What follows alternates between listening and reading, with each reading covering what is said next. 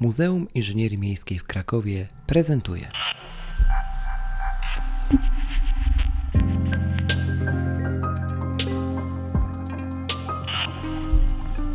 Mimcast. Miasto i my.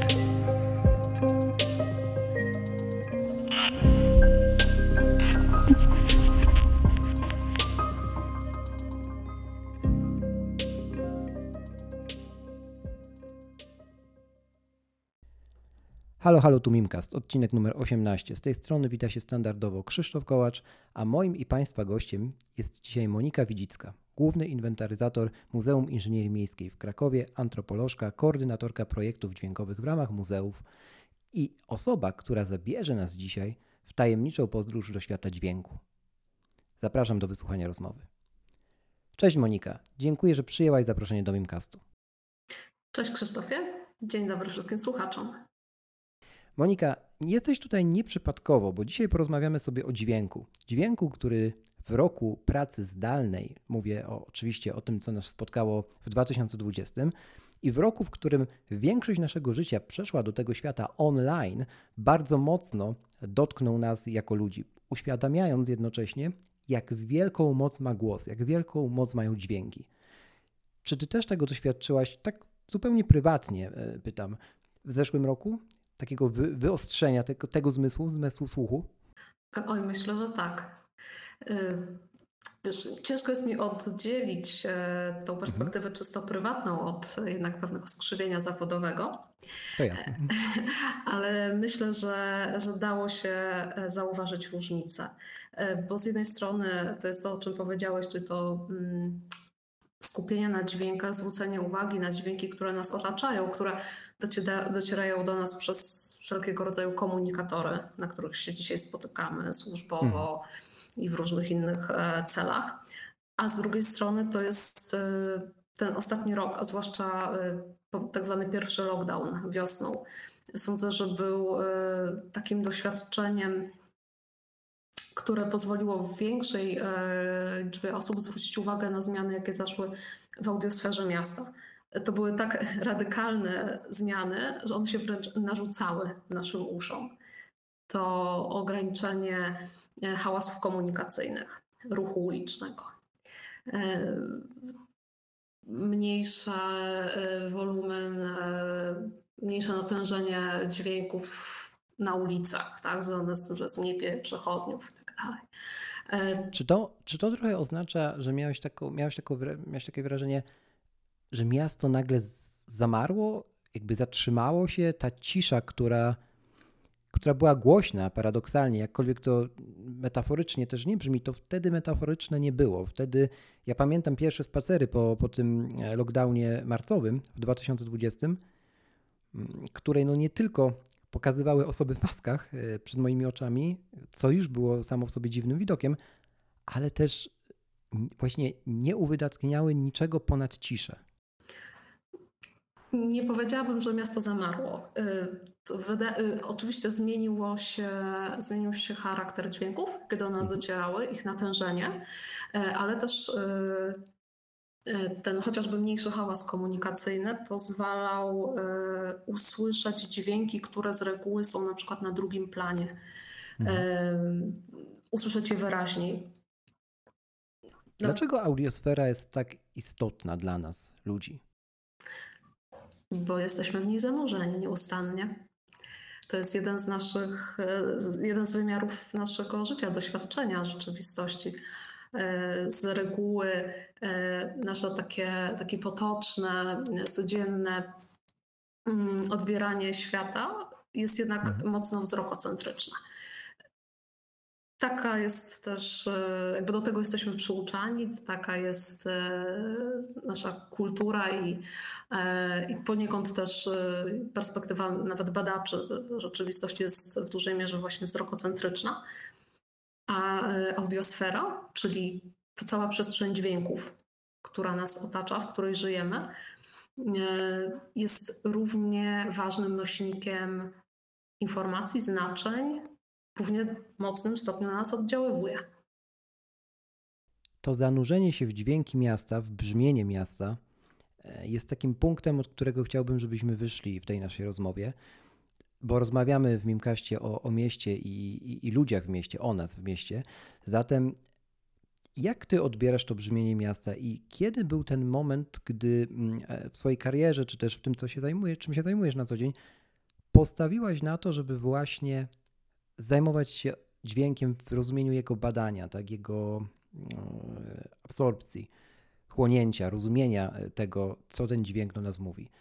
Na razie wychodząc od tej perspektywy miejskiej. Y, to jeśli chodzi o moją, o moją pracę z dźwiękami, to na pewno mhm. takim punktem zwrotnym był była znowu kolekcja muzealna. Co, czy, mhm. do, do, Jednak do... wrócimy do muzeum. No tak. dobrze, proszę. Mhm. Bo widzisz, y, punktem wyjścia były obiekty techniki, mhm. y, a właściwie ich paradoksalne, ich paradoksalne milczenie. Bo jak może miałeś takie doświadczenia, może nasi słuchacze nie, podobnie e, odbierali ekspozycje w muzeach techniki. One są z reguły jednak e, dosyć statyczne. E, no, prezentują nam obiekty wartościowe, ale przez to często zamknięte w gablotach albo mhm. po prostu unieruchomione. Rzadko, rzadko kiedy możemy sobie pozwolić na to, żeby uruchomić oryginalny silnik nie wiem, maszynę parową czy, e, czy jakiś inny artefakt. E, a przez to nasza percepcja tych, percepcja tych obiektów zostaje no, istotnie zredukowana. Widzimy, jak wyglądają, dowiadujemy się, jak działały, ale jeśli nie stanowią już części naszego y, świata codziennego, tak, tego bezpośredniego doświadczenia, to trudno może być nam sobie wyobrazić, jak brzmią, a nie mówiąc już o tym, żeby spróbować zbliżyć się do doświadczenia poprzednich pokoleń i wyobrazić sobie, jak brzmiały dla nich. Więc... E, mhm. E, wspomniałaś o dwóch szalenie, wydaje mi się, istotnych kwestiach. Tych niemych muzeach, o których nie sposób mówić jako o abstrakcie pojęciowym czy, czy znaczeniowym, no bo większość jednak nas od, od nawet czasów szkoły, tak, kiedy, kiedy wycieczki, na wycieczkach jeździliśmy do muzeów, no odbiera te muzea właśnie jako nieme, nieme, nieme przestrzenie. Tymczasem dzisiejsze muzea, czy dzisiejsze mm, miejsca reprezentujące, pokazujące nam, zwiedzającym kulturę, to bardzo często są przestrzenie wypełnione audiowizualnymi doświadczeniami, świetlnymi, dźwiękowymi, E, czy filmowymi. I mm, jak ty z perspektywy osoby, która pracuje mm, w Muzeum Inżynierii jednak, tak, inżynierii miejskiej, gdzie, gdzie mamy do czynienia no, z konkretnym rodzajem zabytków, jeszcze pewnie szerzej nam o tym zaraz opowiesz i nakreślisz tę perspektywę, podchodzisz w ogóle do, do takiego odbioru muzeów jako, jako miejsca twojej pracy, tak? Czy, czy starasz się jakby wchodzić w rolę ewangelizatora, tak, pokazywać tą tętniącą życiem jednak y, przestrzeń muzea, muzeów, warstwę muzeów, czy masz na to jakiś inny sposób? Bo to mnie ciekawi z punktu widzenia osoby, która nigdy w muzeów, muzeum na co dzień nie pracowała, ale która ma taką perspektywę, jak właśnie przed chwilą powiedziałem. Wiesz, e, to można e, podzielić na jakby dwa e, zagadnienia. E, z jednej strony e, jest to, o czym powiedziałeś, muzea, ekspozycje są coraz bogatsze w różnego rodzaju środki audiowizualne. Mhm. Właściwie to jest pewien wymóg, jeśli chodzi o projektowanie tych przestrzeni. Także różnego rodzaju stanowiska interaktywne, tak, jeśli zakładają jakieś działanie po stronie zwiedzających, zwiedzających, to często generują różnego rodzaju dźwięki w muzeach techniki, w muzeach związanych z takim dziedzictwem inżynieryjnym. E, oczywiście takich elementów jest coraz więcej. E, przy czym one jednak w większym stopniu dotyczą eksponatów nie będących oryginalnymi urządzeniami. To, są, to jest pewien, pewna audiosfera muzeum, która powstaje, jakby wynika z naturalnego życia tych miejsc e, z, z obecności zwiedzających. I tu znowu ciekawy, e, ciekawa sytuacja tego naszego pandemicznego roku, kiedy z uwagi na nie, ogromne ograniczenia dotyczące odwiedzania muzeów, również audiosfera tych miejsc się zmieniła. Ale to jest jakby jedna płaszczyzna, na której muzea mają swoją audiosferę. Ona też bywa przedmiotem badań kulturoznawczych czy, czy muzeologicznych. Druga mm, płaszczyzna y, to byłyby, y, to byłyby dźwięki projektowane dla konkretnych wystaw. Y, dźwięki mhm. właśnie nie ma, no powiedzmy, że w roli eksponatów. Mniej lub bardziej wprost wprowadzone w przestrzeń wystaw. Tak? Dźwięki, które albo stanowią ilustracje jakichś zagadnień, budują atmosferę, albo są wręcz właśnie takimi e, eksponatami, które mają przyciągnąć uwagę. Tak? Na przykład nie wiem, dźwięk e, jakichś archiwalnych audycji radiowych. Mhm. Tutaj e, no to jest jednak ta przestrzeń, która przez muzealników jest reżyserowana. Tak? To jest płaszczyzna, która jest wynikiem scenariusza i Oczywiście pochylamy się i zastanawiamy się, jak, jak ją stworzyć, żeby najlepiej oddziaływała i przekazywała te znaczenia związane z audiosferą e, przeszłości. Mm, jakbyś miała podać takie przykłady, które w Muzeum Inżynierii Miejskiej w Krakowie właśnie można spotkać i też przykłady inicjatyw, które, które podejmowano w ramach, w ramach działań związanych z audiosferą, to co by to było? Z takich najważniejszych, bo wiem, że było ich e, kilka. Tak, to e, jeśli chodzi o nasze muzeum, no, sytuacja e, jest teraz taka, że nasze wystawy są na razie niedostępne, więc do nich się nie mogę w tej chwili odnieść. Natomiast w przeszłości realizowaliśmy i projekty dźwiękowe, o których mam nadzieję, że trochę bliżej jeszcze opowiem, ale też wystawę Tramwaj Widmo, y, którą prezentowaliśmy mhm. Y, dwa lata temu, a ona od strony dźwiękowej właśnie, od strony pejzażu dźwiękowego y, opowiadała o obecności komunikacji miejskiej, o roli komunikacji miejskiej, o doświadczeniu podróży tramwajem. Tam chcieliśmy za pomocą mhm. zarówno nagrań zebranych na ulicach Krakowa, ale też kompozycji e, muzycznych, oddać e, atmosferę związaną z e, zabytkowym taborem tramwajowym, z tą odmienną jednak od współczesnych tramwajów sferą dźwiękową. I nie wiem, czy drodzy słuchacze zdają sobie z tego sprawę, ale fragment nagrań realizowanych w ramach tej akcji Tramwaj Widmo e, możecie usłyszeć na początku każdego odcinka Mimcastu, bo jest to po prostu część naszego intro. Także y, to tak tytułem ciekawostki. W końcu nadarzyła się okazja, aby o tym e, wprost, e, wprost powiedzieć. Mm, dobrze, wracając trochę do tego, czym się zajmujesz na co dzień, Monika. Mm, Chciałbym jeszcze, żebyś nam przybliżyła mm, dźwięki jako element ekspozycji. To raz, już trochę o tym powiedziałaś, ale też mm, odpowiedziała na takie pytanie, które wydaje mi się, że część naszych słuchaczy może sobie na przykład e, zadać. Czy rolą muzeum jest pokazywanie chociażby tego, jak, mm, jak maszyna parowa brzmiała kiedyś? Czy rolą muzeum jest pokazywanie pewnego rodzaju historii której ta maszyna parowa jest częścią, tak? I tu mamy już większą opowieść dźwiękową. Bo zastanawiam się, które z podejść jest też bliższe i, i chętniej przyjmowane przez odwiedzających. Wychodząc jednak jeszcze trochę od tych przykładów, e, dźwięków jako, jako elementów ekspozycji. Co jeszcze tutaj więcej e, można by pogłębić? Oczywiście takich przykładów można przytoczyć, bardzo wiele, bo e, nie, dźwięki w muzeum to, to nie jest takie całkowite nowum. One e, właściwie od jakichś 30 lat e, powoli sobie torują drogę. E, jeśli chodzi o polskie ekspozycje, polskie instytucje, jednym z takich moich, przyznam, szczególnie lubianych przykładów jest audiosfera, właściwie pejzaż dźwiękowy przedwojennego Lublina który był prezentowany na wystawie w Bramie Grodzkiej, Teatrze NN w Lublinie. I na początku lat 2000, no ponad 10 lat temu, e, kiedy pierwszy raz e, odwiedzałam tą wystawę, to było chyba jedno z takich niewielu miejsc w Polsce, gdzie e, pejzaż dźwiękowy był tak mocno wykorzystany i był właśnie taką ścieżką, poprzez którą poznawaliśmy obraz przedwojennego miasta.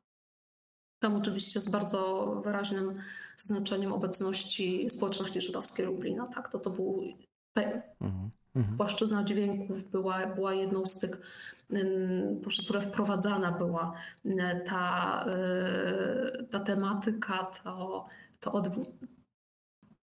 to, to, to dziedzictwo, które no, po II wojnie zostało y, właściwie wymazane też tak przestrzennie ze Starego Miasta w Lublinie. Natomiast powstały oczywiście kolejne różne projekty. Ciekawą inicjatywę realizowało Muzeum Polin, Muzeum Historii Żydów Polskich Polin w Warszawie. Oni, poza tym, że oczywiście dźwięki znajdują się na wystawie głównej w różnych punktach, to kilka lat temu realizowali też takie przedsięwzięcie Dźwięki ulicy Gęsiej. Ulica Gęsia na, na terenie Muranowa, taka ulica, która już nie istnieje, ulica przedwojennej Warszawy. I tam grupa wolontariuszy i badaczy próbowała odtworzyć na podstawie różnego rodzaju źródeł pisanych i nie tylko słownik dźwięków nieistniejącej już ulicy Gęsiej. E, czyli to była taka praca badawcza, taka trochę archeologia dźwiękowa. I na podstawie ich ich pracy, ich wyników ich badań e, powstała kompozycja. E, Maciej Trifonidis skomponował melodię przedwojennej ulicy Gęsiej. Ona była później prezentowana w ramach, e, w ramach koncertu. Więc tutaj mamy też taką ciekawą perspektywę łączenia tej próby historycznego dociekania, jak brzmiał pewien wycinek przeszłości, jednak z muzycznym, artystycznym przetworzeniem. Warto, myślę, przy tej okazji i w tym momencie wspomnieć o takim projekcie e, Sounds of Changes, który, który wiem, że jest Ci bliski, a który może nam odsłonić przykłady tego typu dźwięków, które właśnie zostały zarejestrowane między innymi w przestrzeni miejskiej. Więc zanim o nim opowiesz, posłuchajmy sobie pejzażu dźwiękowego bulwaru Kurlandzkiego w Krakowie, zarejestrowanego w lipcu 2018 roku.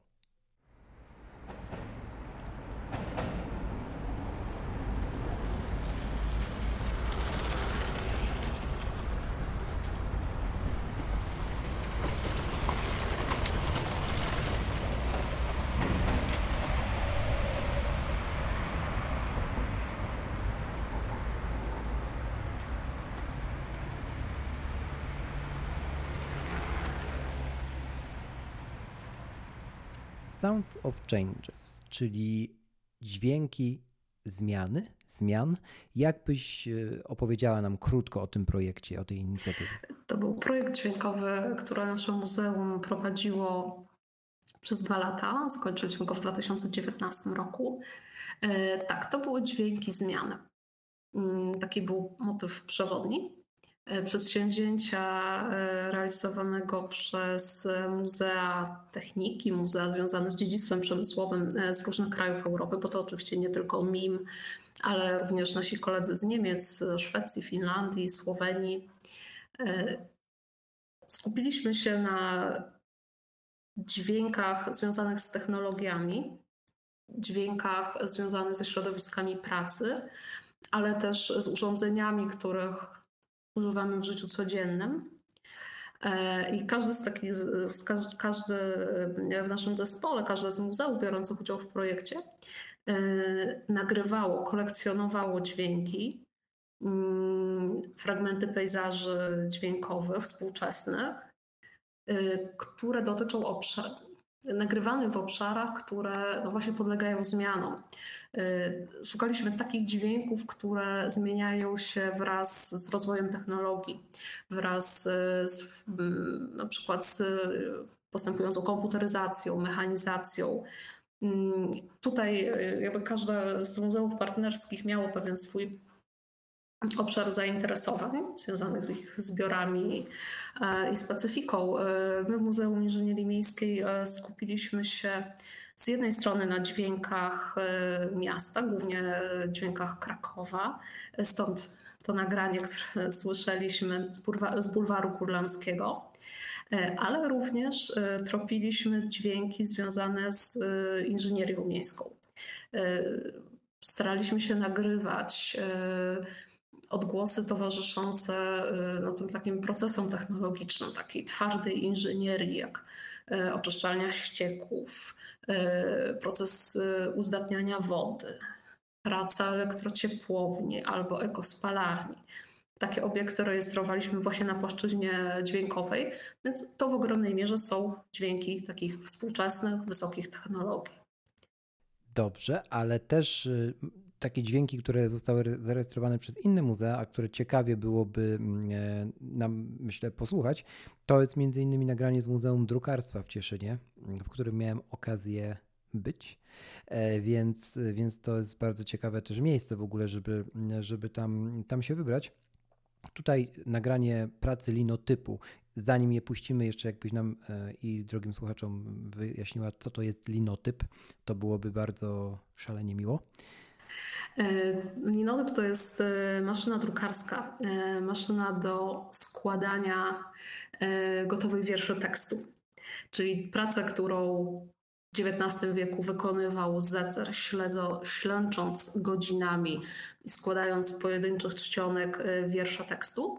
E, linotypista, e, drukarz pracujący przy linotypie, mógł zrobić w ciągu kilkudziesięciu sekund, po prostu wybijając na, na klawiaturze odpowiednie litery.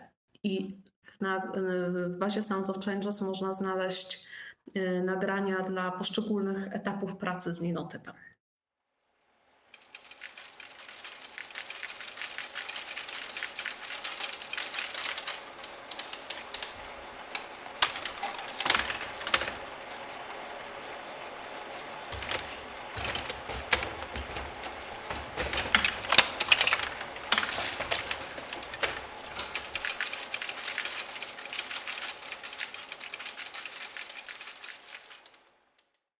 Przechodząc teraz dalej do, mm, do tej sfery, którą myślę, że e, można się zainteresować tak po prostu na co dzień, tak? Zwracając baczniej być może uwagę na to, co słyszymy, dlaczego i skąd.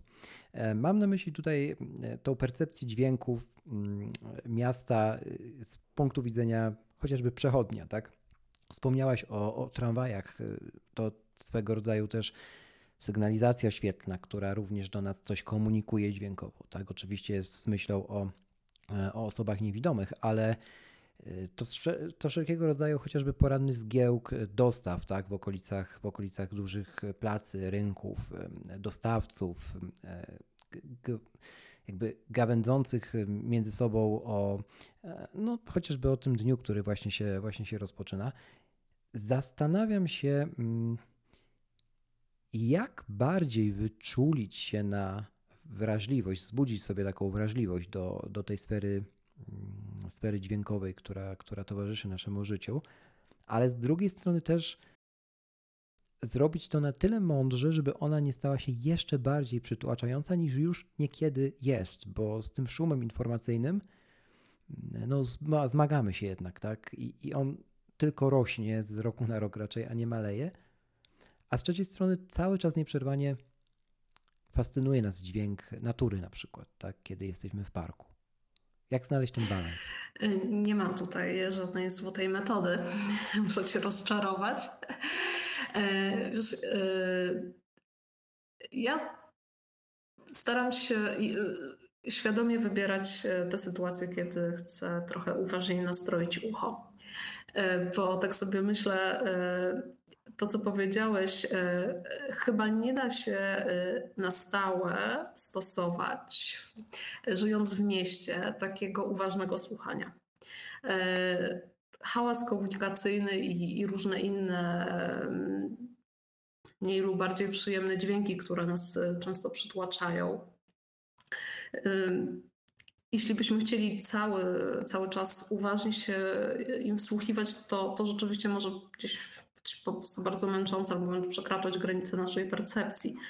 E, to, co mówią badacze audiosfery, to to, że w naszym codziennym zanurzeniu w, w, w dźwięki miasta jesteśmy zobojętniali na bardzo dużą część e, tej audiosfery, tak? Czy podporządkowujemy się dźwiękom miasta i z jednej strony wypieramy hałas z pola percepcji, tak? On jest e, na tyle dojmujący, że jednak staramy się go nie słyszeć, tak? Czy jesteśmy się w stanie na tyle zaadaptować do niego, żeby, e, żeby nie docierał do nas tak, z, taką, z pełną intensywnością.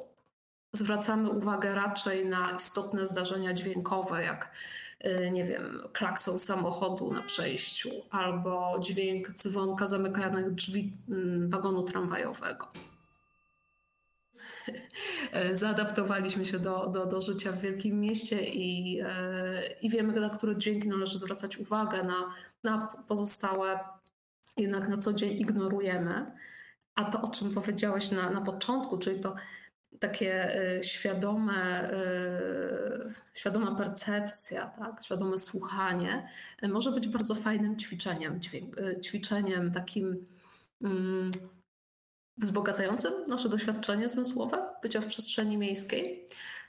I do tego są też oczywiście odpowiednie narzędzia, są ćwiczenia z uważnego słuchania, tak, tak zwane czyszczenie uszu, czyli praktyki właśnie próby roz, rozłożenia tych dźwięków, które do nas docierają na, na takie mniejsze elementy. Y, proponowane są też różnego rodzaju spacery dźwiękowe, czyli właśnie taka próba świadomego przejścia przez jakiś, jakiś odcinek miasta ze wsłuchaniem się w to, jakie dźwięki docierają. My też takie spacery w ramach projektu Tramwaj Widmo robiliśmy. Razem z Marcinem Dymiterem, autorem instalacji, przechodziliśmy przez fragmenty tutaj Kazimierza, tak, w okolicy naszego muzeum wśród tych bardziej ruchliwych ulic i próbowaliśmy też szukać dźwięków, e, czy wsłuchiwać się w dźwięki, na przykład na bulwarach wiślanych. Takie ćwiczenie e, z uważnego słuchania można oczywiście samemu też praktykować. Do tego, e, do tego nie, nie, trzeba mieć, nie trzeba mieć przewodnika. Natomiast ono raczej jest czymś incydentalnym. Tak? Nie jesteśmy w stanie na co dzień funkcjonować w mieście, mieć cały czas tego trybu włączonego. To prawda. Mhm.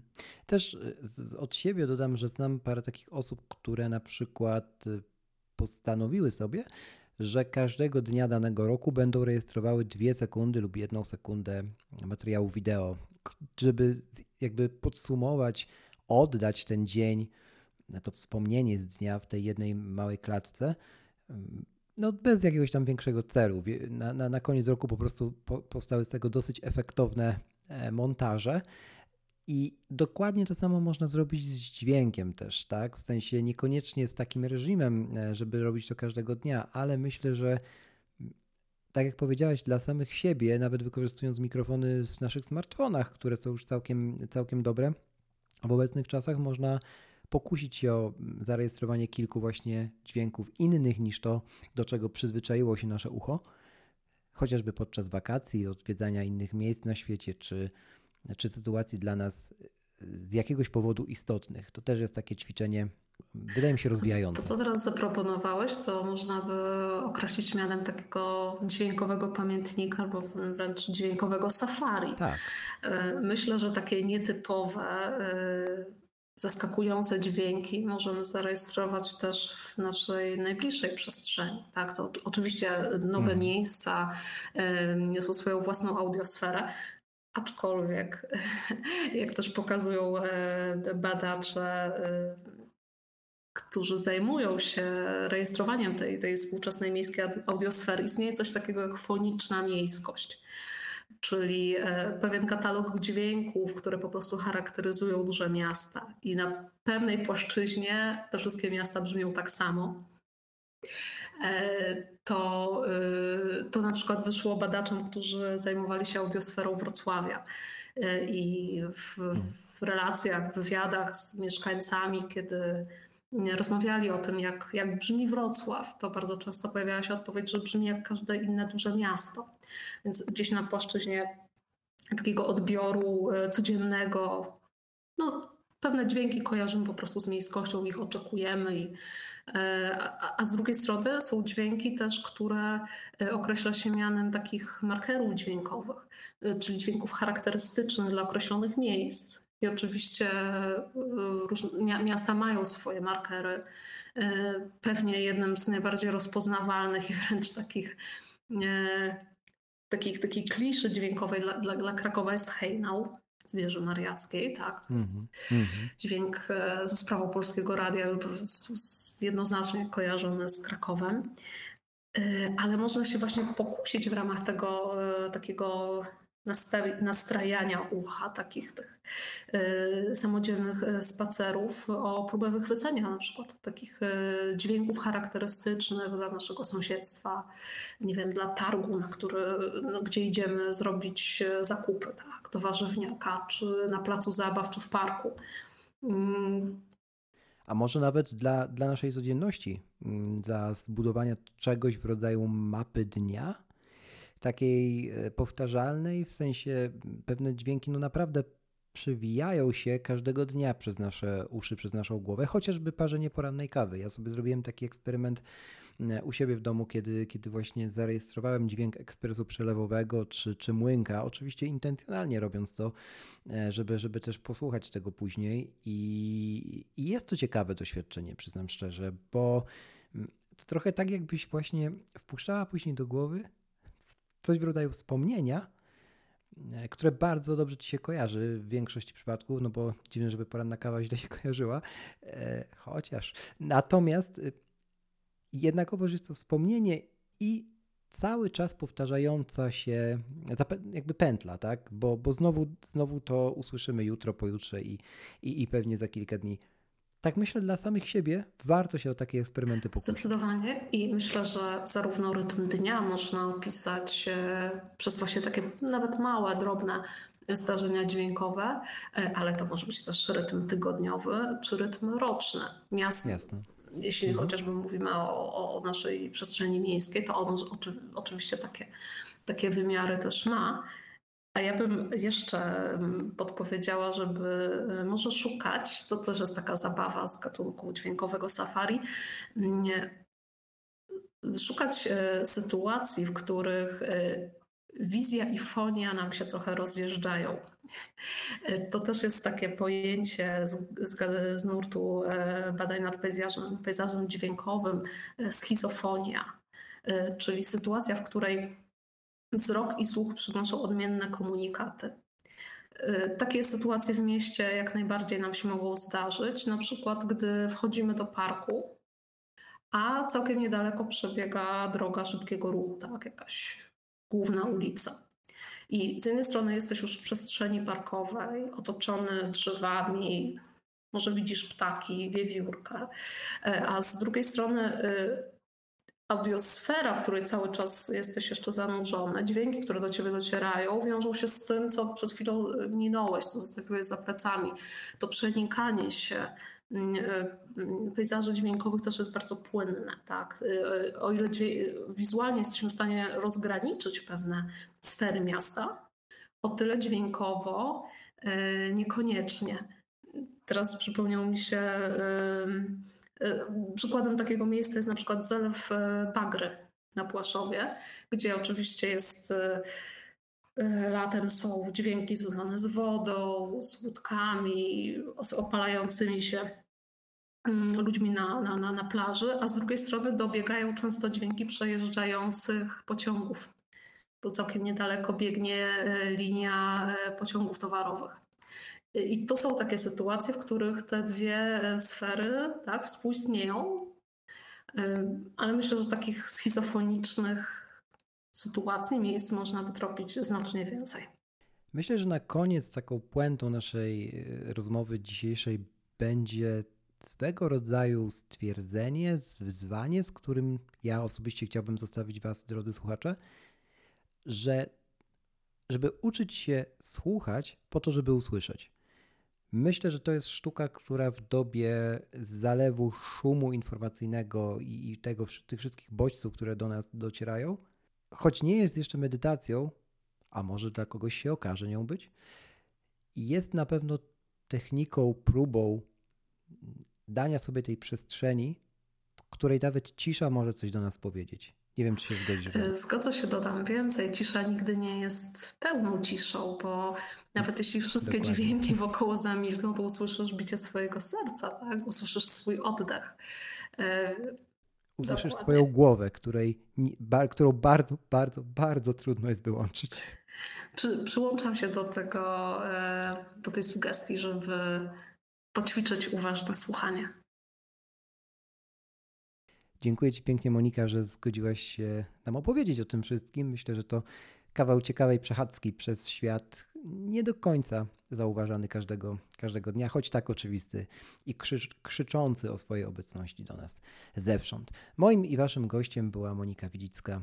I bardzo Was prosimy, jeżeli macie chwilkę czasu, zostawcie nam recenzję w Apple Podcast, bo to pozwoli nam docierać do jeszcze większej liczby słuchaczy. Dziękuję Ci jeszcze raz, Monika. Dziękuję również.